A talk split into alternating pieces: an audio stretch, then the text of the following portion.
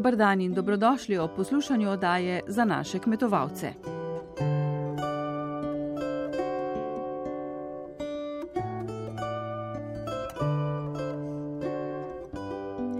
Oddaji bomo najprej predstavili možnosti za pomoč kmetijam, ki so utrpele škodo po neurju v avgustu. Nekaj ormoških kmetij je pred dnevi obiskala tudi kmetijska ministrica Aleksandra Pivec, ki se je z ormoškim županom pogovarjala o možnostih prenove vzpostavitve tovarne za predelavo sladkorne pese.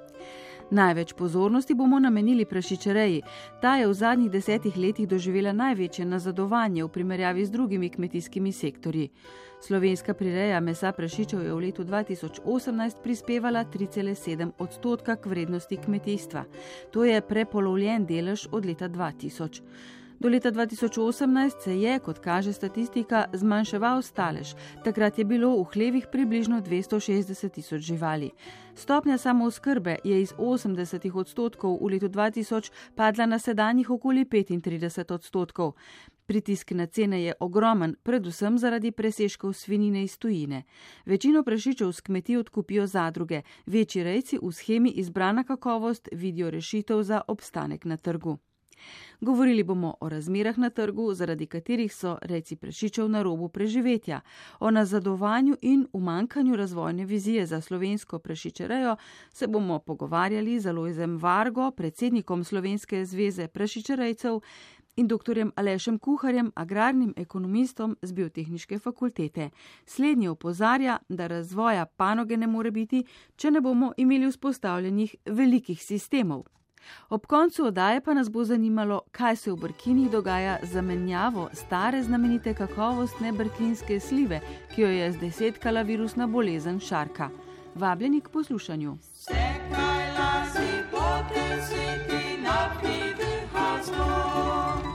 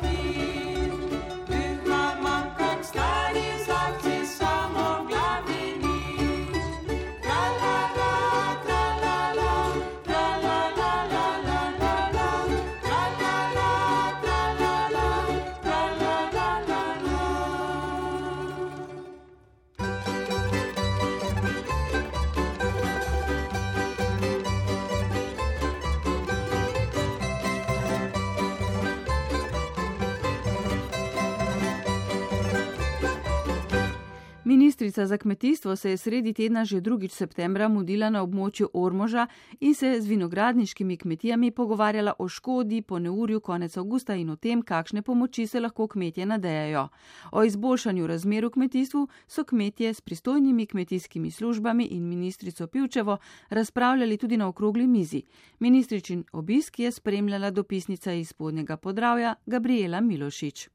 Vinograde družine kralj na Pavlovskem vrhu je konec avgusta potovkla toča. Ludvik kralj o škodi. Je ocenil na okoli 40 odstotkov.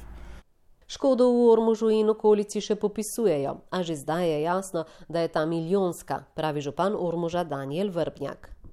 Približno 2 milijona na kmetijstvu in pa na gozdarskem delu, ne, kjer tudi predvidevamo slab milijon. Na državno pomoč pa ne gre računati v vseh primerjih, je jasna ministrica za kmetijstvo Aleksandra Pivec povračilo kakršnih koli stroškov v primeru, da gre za zavarovaljive površine potoče je nemogoča, ker je državna pomoč neopravičena, ampak razmišlja se bolj v smeri pomoči pri nekih novih investicijah in pa ponovnem zagonu seveda kmetijske pridelave. Ob vse pogostejših vremenskih nevšečnostih bo v kmetijstvu treba najti dolgoročno rešitev. Direktor Kmetijsko-gozdarske zbornice Slovenije Branko Ravnik meni.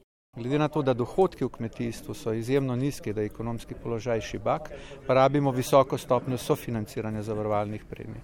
In to je tisto, kar poskušamo doseči že z nekaj zadnjih let.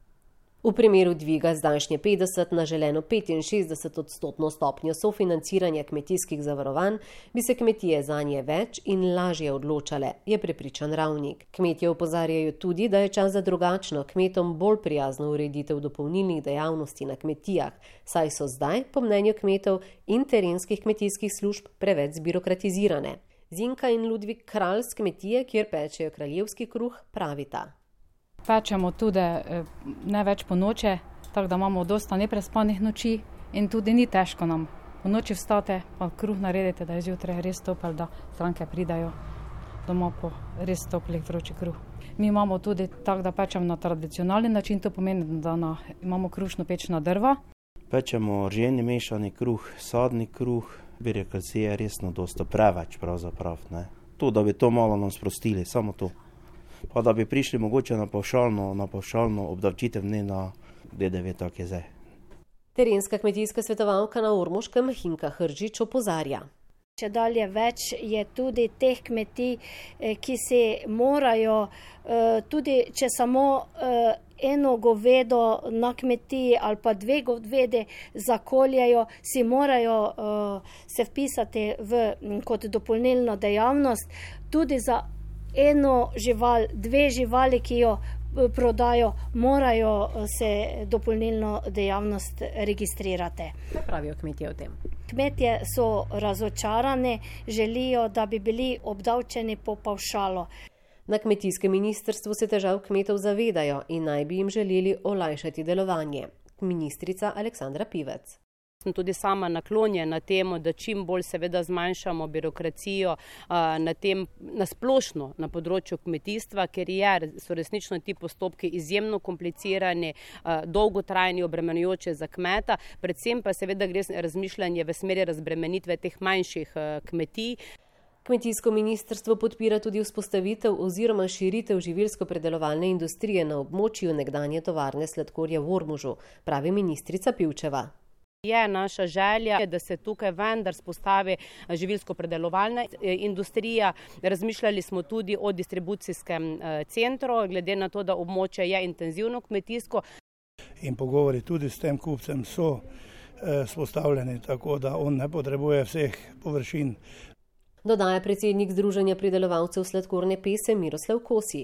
Nekdanja tovarna sladkorja ima namreč spet slovenskega lastnika, s katerim bi radi tudi pridelovalci sladkorne pese našli skupni jezik. Šuštar je čuka klav juhu, hu, hu.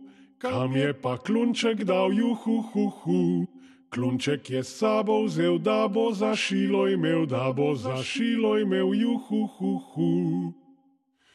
Šuštar je čuka klav juhu, hu, hu. kam je pa kožo dal juhu, hu, hu. Kožo je sabo vzel, da bo za leder imel, da bo za leder imel juhu, hu, hu. Šuštar je čuka klav juhu, hu, hu. kam je pa čreve dal juhu, hu, hu. Čreve je sabo vzel, da bo zadreto imel, da bo zadreto imel juhu, hu, hu. Čreve je sabo vzel, da bo zadreto imel, da bo zadreto imel juhu, hu, hu. Slovenski prešičerejci že dolgo opozarjajo na svoj položaj, ki jim ga poleg nizkih odkupnih cen otežuje še ravnanje predelovalcev. Ti na mesto domače raje kupujejo ceneno svinino iz uvoza. Čeprav so lani v času kmetijsko-živilskega sejma Agra v Gorni Radgoni podpisali sporazum o izbrani kakovosti Slovenija, ta v praksi še ni zaživel. Novi koronavirus pa je razmere na mednarodnem trgu samo še poslabšal. Lidija Kosi je pred mikrofon povabila Alojza Vargo, ki vodi Slovensko zvezo prašičerejcev in ga najprej povprašala po odzivih pristojnega ministrstva na poziv, s katerim so rejci maja letos zahtevali ureditev razmer v slovenski prašičereji. Sestankov je bilo kar nekaj. E, takoj po končani razglasitvi pandemije COVID smo imeli e, na ministrstvu srečanje. Na samem srečanju smo se pogovarjali predvsem o tem, kakšne posledice je na panogu pustil e, COVID-19. E, ugotavljamo, da je padla cena iz evro 90 na evro in pol, ampak vseeno smo prišli do zaključka, da je prašičareja v času COVID-a vseeno nekako še v nekih izmernih eh, okvirjih eh, prešla krizo. Vendar eh, se je ta sedaj dejansko poglobila. Takrat smo se tudi pogovarjali o novem razpisu, ki je sedaj v teku. Investicijski razpis je odprt za vlaganje v dobrobit živali, ki je namenjen predvsem prašičarejskim kmetijam, da bi povečali stalež plemenskih živali in pa da bi si posodobili svoje kmetije saj se v času od osamosvitve Republike Slovenije in stopom v Evropsko unijo praktično ni gradilo prašičerejskih novih sodobnih objektov. Zdaj je priložnost, ampak se zatika predvsem pri birokraciji in pa pri, pri, pri dobivanju dovoljen za stavitev objektov v okolje. Ampak nekaj jih je na vidiku, da se bo pa vseeno zgradilo. Ste tudi, mora biti vi sami zainteresirani še za kakšne naložbe? Ja tudi sam poskušam pridobiti gradbeno dovoljenje za dobrobit živali in pa da bi posodobil farmo. Ne predvsem, da bi jo povečal, ampak da bi prilagodil živalim boljše okolje bivanja in pa da bi posodobil tehniko dela. Saj z novimi tehnologijami dosegamo tudi boljše rezultate in s tem postajamo konkurenčnejši na tem neizprostnem evropskem trgu. Koliko prašičev na leto vi vzredite? Mi imamo v staležu trenutno 65 plemenskih eh, svin, tako da zredimo nekje 1400-1500 prašičev, od tega polovico prodajamo v dojku, polovico pa spitamo kot pitonce, prodajamo pa tudi eh, plemenske merjasce, saj smo edino zrejno središče za eh, prodajo plemenskih merjascev, pa smo Pietrem, nemški Landers 55 in pa hibrida 54. Lani na Pomorskem sejmu oziroma v času kmetijskega sejma ste podpisali dogovor o izbrani kakovosti za prašičje meso. Kaj se dogaja na tem področju ali sploh kaj? To je bil velik korak za razvoj slovenske prašičereje. Saj smo prašičerejo takrat eh, umestili kot strateško pomembno panogo kateri bo ministrstvo in pa slovenska politika dala več, večjo pozornost, da bi povečali samo skrbo z prašičjem mesom, ki je, kot vemo, nekje okrog 35-odstotno. Pri izbrani kakovosti smo se zelo dolgo praktično borili, da sploh sprejmemo specifikacijo, vendar smo takrat tudi prišli do enega zaključka, da Slovenije rojenih, rejenih in zaklanih prašičev je premalo. Mesari strajajo pri številki 190 tisoč Slovenij zaklanih, eh, rojenih in rejenih prašičev. Teh je v lanskem letu bilo 163 tisoč, se pravi nekje 30 tisoč eh, prašičev pitancev za izbrano kakovostno manjka in ta še ni zaživela. Je pa trenutna situacija zaradi afriške prašiče kuga, ki je zajela eh, Nemčijo, priložnost, da praktično preko izbrane kakovosti, kjer so podane bilance, masne bilance, sledljivost eh, do končnega računa, praktično je, vidim, da je to edina možnost, da bi prašičerejo eh, zaščitili, tako prašičerejce kot slovensko predelovalno industrijo, kajti sigurno se bo zaradi tega, ker je Kitajska odpovedala eh, pogodbe z Nemčijo, pojavilo ogromno cenenega mesa na evropskem trgu, kajti Nemčija je največja vele sila pri pridelavi prašičega mesa. Kaj torej pričakujete, prašičarejci, od kmetijske zbornice, zadrug, ministrstva, skratka od inštitucij, ki bi vam morale pomagati in nuditi podporo? Predvsem eno, da nas dejansko, kljub temu, da smo dokaj dobro povezani, da nas povežejo tudi v smerih prodaje, nastopa na trgu. Pričakujemo, da bomo se vsi skupaj sedli in dejansko dorekli in zaživeli izbrano kakovost Slovenije, ker bomo dejansko slovenskega potrošnika ponudili slovensko meso in pa seveda tudi, da bi zaščitili lastno ceno. Kajti delati brez, da bi nekaj kmet zaslužil, da bi lahko vlagal v razvoj in pa s tem tudi v svoj obstoj ne bo šlo. In zato pričakujem, da bomo vsi skupaj v verigi našli eno pametno idejo oziroma pametno rešitev, da bomo pa vse eno slovensko prašičerejo zaščitili tako na prodajnem kanalu, kot tudi na cenovnem, saj brez, da bi dejansko nek zaščitili vsaj lastno ceno predelave, ne moremo preživeti. Lani sem možila se, leta svežih griva. Imam moža hudega, je hujši kot kopriva. Imam moža hudega, je hujši kot kopriva. Koprivo slanca pomori, men moža ne more. Cel dan za pečjo sedi, še mraz ga ne premore. Cel dan za pečjo sedi, še mraz ga ne premore. Jutri bo v celovcu smen, tja gor ga bom peljala. Al ga bom zatavšala, al ga bom prodala, al ga bom zatavšala, al ga bom prodala.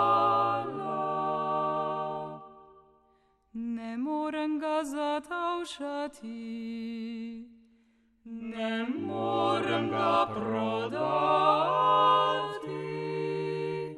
Moram tega burkleža nazaj domov peljati, moram tega burkleža nazaj domov peljati.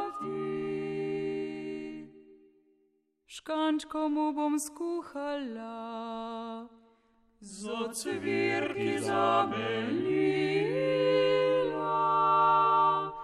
Kbo od cvirke dol pogral, še mlička bom dolila. Kbo od cvirke dol pobral, še mlička bom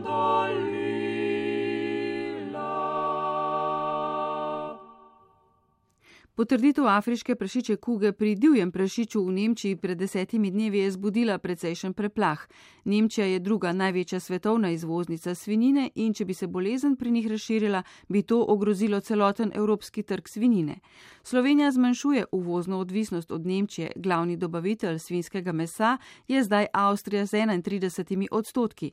Je Slovenija glede celotnega uvoza postala z leti že manj odvisna od drugih držav, smo vprašali dr. Aleša Kuharja, agrarnega ekonomista z biotehniške fakultete. Zdaj se je situacija se stabilizirala na absolutnem dnu, se pravi niže in slabše, kot je zdaj očitno, da ne more biti. Zdaj dve, eno leto, drugo leto zdaj čakamo podatke, ampak na nek način vidimo to stabilizacijo na absolutnem dnu, se pravi nižje, noben več interesa nima iti, kot je oskrba s prašičjim mesom. Zdaj, zakaj je do tega prišlo? Slovenija na nek način ni kazala interesa ali pa ni znala, ni želela razumeti, da prašičere lahko obstane samo v velikih organiziranih sistemih. To ne pomeni z visoko koncentracijo na industrijskih farmah, ampak razdrobljenost prašičereje, kamor zdaj slovenska država tišči razvoj te panoge že deset let, seveda daje rezultat, kot ga imamo. Gre za konkuren, izrazito konkurenčen trg na najvišji ravni in Slovenija je imela zelo razvite sisteme, ki so se sicer finančno razpočali, ampak napačna je pa percepcija, da je možno zgraditi na novo prašičerejo po nekih eksotičnih modelih. Um, tako da je vprašanje, ali sploh lahko kdaj pričakujemo regeneracijo te prašičere, kot je nekoč bila, in bo verjetno svinsko mešo še zmeraj po eni strani predmet, bi rekel, luksuza, če najdeš slovensko prašiče meso v uradnih kanalih trgov, trgovskih sistemov, po drugi strani pa posledično to uh, kategorija hrane, kjer prihaja do največ potvorb, se pravi porekla. Uh, tako da prašičereja je ena taka re, relativno nesrečna zgodba slovenskega kmetijstva, kjer je dejansko iz sistemov ki so bili um, zelo dobro organizirani in napredni v bistvu tudi v mednarodnem pogledu, recimo desetletje, dve nazaj, smo zdaj v bistvu popolnoma v nemilosti dogajanja oskrbnih trgov. Vi ste torej kritični do ukrepov in do, do tega, kako država oziroma kmetijsko ministrstvo želi spodbuditi razvoj prešičareje pri nas se niti moram po pravici povedati, da ne vidim, da bi kdo kaj delal, razen nekih, eh, bi rekel, deklarativnih eh, dogovarjanj, ehm, tako da težko karkoli komentiram. Ne. Zdaj nekih konkretnih ukrepov ni zaznata. Ne. A ima potem uh, slovenska prašičareja sploh kakšne perspektive? Mislim, v tem obsegu, kot jo imamo danes, niže verjetno ne more iti. Pravi, jaz govorim o prašičereji, ki vstopa v formalne oskrbne verige. To je recimo ena stvar, ki je slovenska država ni zadosti jasno razločila. Ne. Uh, mi imamo relativno veliko prašičev, redimo na sivem ali pa na črnem uh, seznamu. Skratka, pra, prašiči, ki ne pride v, v, v formalne oskrbne sisteme. Tukaj smo Slovenci verjetno kar prvaki. V tem delu razvitega sveta, ker imamo strukturo reje prašičev izrazito v obliki, kot je značilna za nerazvite države. Praktično vsaka ali pa zelo veliko kmetijskih gospodarstv prašiča redi zase. To je trg, ki ne vpliva niti na nek način na samo skrbo in tudi ni ekonomska eh, kategorija, ker gre za ta samoskrbniški, eh, samoskrbniški model. Bitka za trge, bitka za razmere na trgu se pa dogaja v formalnih kanalih. To so pa trgovske verige, kamor pa dostopa kmetijsko-živilski izdelek v formalnih agroživilskih verigah. To pa pomeni, da mora biti zadosti veliko število konkurenčnih rejcev prašičev povezanih z konkurenčnim mestno-predelovalnim podjetjem in to rezultira v artiklu, ki ga je trgovec pripravljen dati na polico in tukaj se je v bistvu bitka dogaja. Tega pač politiki v zadnjih desetih letih, kreatorji slovenske kmetijske politike, niso dovolj dobro absolvirali ali pa niso želeli tega, eh, tega niti razumeti. In se zato podpira to drobnjakarsko proizvodno, eh, proizvodno za lastne potrebe, direktno predelavo na domu, ki pa je v bistvu model, ki ima svoje mesto v nekih zelo majhnih segmentih trga, v Sloveniji se ga pa želi narediti ali pa se daje vtis, da je to model za mainstream eh, agroživilsko ponudbo, kar je pa seveda skregano z logiko, zato so pa tudi rezultati tako slabi, kot so.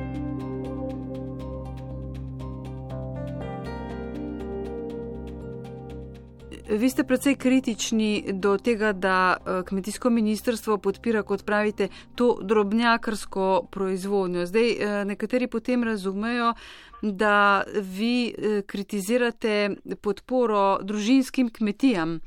Kakšen imate vi odnos do recimo družinskih kmetij in na drugi strani, kot pravite, da bi morali izboljšati to konkurenčnost in tudi spodbujati te večje masovne proizvodnje. Kaj naj torej naše ministrstvo podpira na primeru prašičereje? Uh, mislim, Slovenija so masovne in tudi nikjer druge po svetu se masovne prašičereje ne gremo. Ne. Je pa treba ločiti med tržno prašičerejo, se pravi, med, med, in splošno v kmetijstvo, ne, med rejo, ki, eh, ki ima cilj zadovoljevati prehranjevanje ali pa lansiranje blaga na trg, in to na trg, kjer najhujša konkurenca je in kjer Slovenija izgublja svojo pozicijo, lahko bi pa svojo pozicijo pridobila, se pravi, govorimo o trgovinskih policah, kjer večina populacije države kupuje svoje blago, to so pa veliki trgovci in diskontniki in tako naprej. Uh, mi ne gradimo sistemov, ki bi vstopali v ta, v ta prodajni kanal. Zgleda, glede na deklaracije in izjave tako vodilnih na ministrstvu, kot tudi v kmetijskih asociacijah, da pa Slovenija misli oziroma oni mislijo, da je možno razmere na trgu obladovati z individualnimi kmetijami, majhnimi ponudbami, klobas na kmečkih sejmih in tako naprej tem ni nič narobe, ampak treba je vsakemu od modelov dati svoje mesto. Se pravi, predelava na domu je butični nano del trga. Ne more biti to model razvoja slovenskega kmetijstva, neposredna prodaja, eh, kmečke tržnice in tako naprej. To je vse zelo lepo in prav in simpatično in del prehranskega trga, vendar predstavlja zelo majhen del tega trga. Na drugi strani mi izgubljamo na stebrnih sistemih, ki so pa dejansko eh, točka, kjer prihaja do oblikovanja razmer na trgu.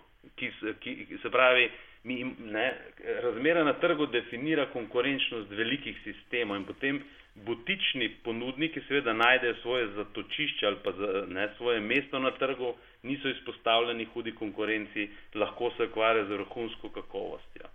Veliki sistemi pa nahranijo, če hočete, mase ljudi, prebivalstvo čez uh, ustaljene in najpomembnejše nabavne kanale. To so pa trgovske verige.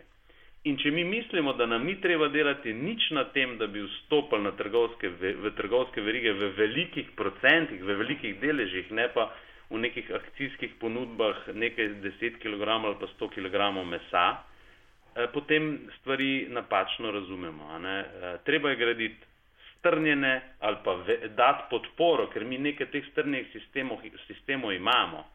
In to ne govorimo industrijski. Zdaj, tudi to vprašanje, ki se ga postavlja, ne? ali se me za industrijsko rejo. Glejte, v 21. stoletju je vsa reja industrijska, svet je šel pač naprej tudi na kmetijstvu čeprav Slovenija tega ne, temu ne želi participirati, se mi zdi včasih želimo ostati v nekaj romantičnih letih prejšnjega stoletja, zato pa je tržni izid, tržni rezultat slovenskega kmetijstva tako slab, ker ne želimo napredovati, ker želimo neke arhajične, pozabljene oblike ohranjati uh, in s tem, ko bodo nosilci te ideje nehali kmetovati, bo slovensko kmetijstvo izginilo, ga ne bo več oziroma ga je že zdaj zelo malo.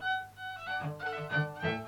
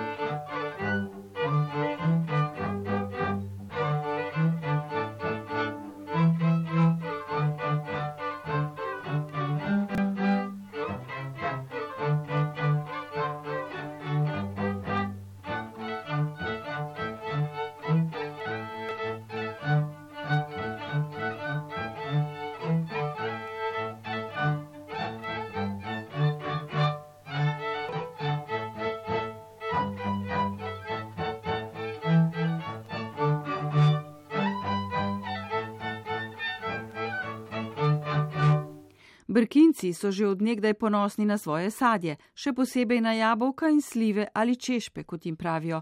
Vendar pa je slednje v zadnjih letih do dobra zdesetkala virusna bolezen šarka. Sadeži odpadajo, še preden dozorijo. Češpe so drugačne, kot so jih bili vajeni, koža je nagubana. V iskanju sort, ki so odporne na šarko, so naleteli na valjoko in čačansko lepotico, vendar pa, kot pravijo, okus vseeno ni tak, kot pri njihovi avtohtoni brkinski slivi. Sabrina Mulec. Kaj se pravzaprav dogaja s sadeži, nam je pojasnil kmetijski svetovalec Aleks Dariš iz Sežanske enote Kmetijsko-gozdarskega zavoda Nova Gorica. Na sadežih pridejo okrogle tašne nekroze, potem se tudi imenuje šaraste, tudi na koščici se pozna in plodovi so bolj gumijasti, brez okusa, brez arome in predčasno odpadajo. Bolezen je razširjena po celotnih brkinih, tu pa tam se mogoče najde še kakšno drevo, ki še ni okuženo, večinoma pa je okuženo vsa drevesa. Pred leti so zato pomoč pri iskanju odpornih sort poiskali pri sadjarskem centru Bilje in Kmetijskem inštitutu. Dobili smo priporočilo 4-5 sort, ki so tolerantne oziroma odporne na šarko in te so bile pred 4 leti tudi posajene in letos so prvi rezultati teh novih sort. To so čačanska lepotica, ta je v redu, lepa, rodi, je pa zgodnja, ima nek malo e, nižjo suho snov, tako da za predelavo ni najbolj in je v sredini julija dozoreva. Potem se je sadilo še valjevko, ta nekje dozoreva zdaj, je precej dobra, zgleda, da bo primerna tudi za predelavo, ni pa toliko podobna stari domači slivi. Zato bi radi kakšno drugo sorto, vendar selekcija šla na pridobivanje sort, na selekcioniranje sort, ki so primerne za konzum, ne toliko za predelavo in to so vse debelejše in imajo nekoliko nižjo suhosnov, mi bi pa radi tako, ki ima dosti sladkorja, aromatično, tašna, kot je bila naša domača sorta. Ena sorta, nemška plumtastik, se je tudi sadila, no tisto smo eno leto kasneje, leta 2017 so bila prva drevesa posajena, ta ima te pomološke lastnosti najbolj podobne domači slivi ali češpi, kako mi rečemo. In tudi letos je zarodila, zgleda, da bo tudi ta primerna za obnovo naših sadovnjakov. Medtem ko so še priporočene sorte Stenli in Valor, tu so debelejše, preizkušene sorte, so tolerantne na šarko, vendar za predelavo niso najbolj primerne. Franc Jelušič iz Slop je bil eden prvih, ki je pred leti opozoril na problem šarka v brkinih. Poli sem se tudi odločil, da pr švercem, tako po domače povedano, prve češpe iz eh, Srbije, čačansko lepotico, katera se je zelo dobro prilagodila v naših krajih, tukaj v brkinih.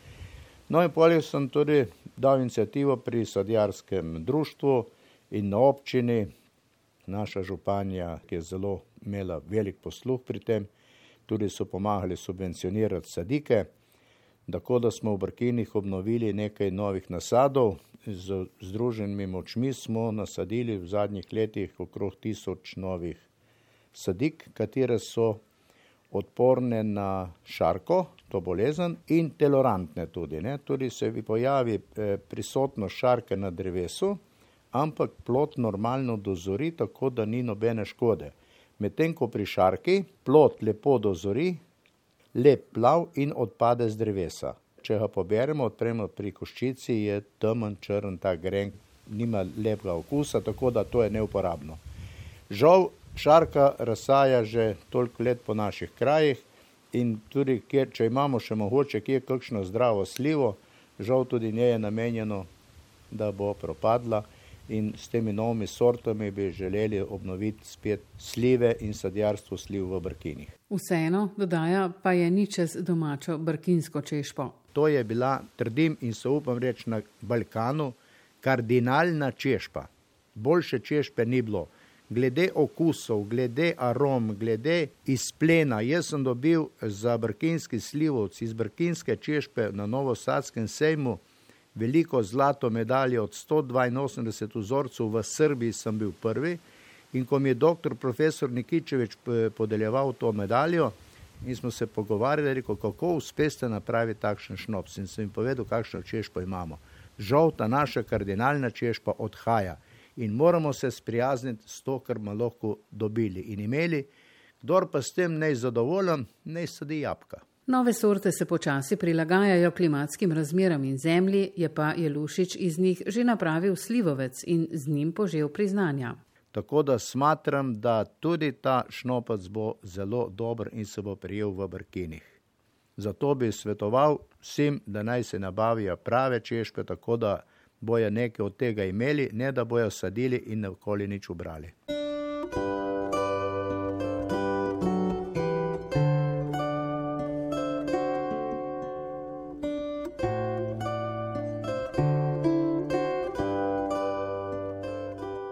Dragi prijatelji kmetijstva, hvala za vašo družbo.